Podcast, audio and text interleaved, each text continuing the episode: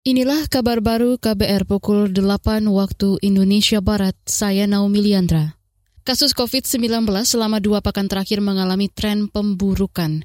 Juru bicara Satgas Penanganan COVID-19 Wiku Adhisa Smito mengungkap adanya peningkatan di empat indikator utama, yakni penambahan kasus harian mencapai 400-an, padahal pekan lalu di kisaran 130-an kasus. Peningkatan juga terjadi pada kasus aktif harian, positivity rate, dan keterisian kamar isolasi rumah sakit.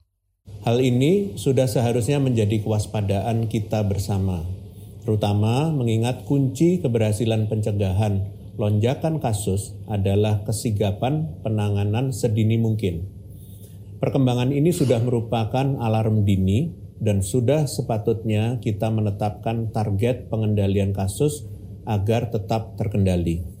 Juru bicara Satgas COVID-19 Wiku Adhisa Smito menambahkan, peningkatan empat indikator tersebut menunjukkan lonjakan penularan di masyarakat. Kata dia, langkah-langkah pengendalian perlu segera dilakukan, di antaranya memasifkan pengetesan dan pelacakan, serta menggalakkan disiplin protokol kesehatan. Organisasi Kesehatan Dunia WHO menyatakan varian Omikron lebih menular, tetapi gejala dan tingkat keparahannya lebih ringan dari varian Delta.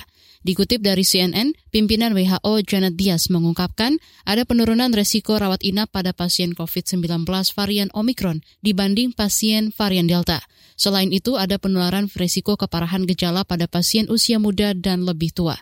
Kesimpulan itu diambil dari studi di Afrika Selatan dan Inggris. Sejauh ini, tingkat kematian akibat varian Omicron memang lebih rendah dibanding varian Delta. Demikian kabar baru KBR. Saya Naomi Liandra.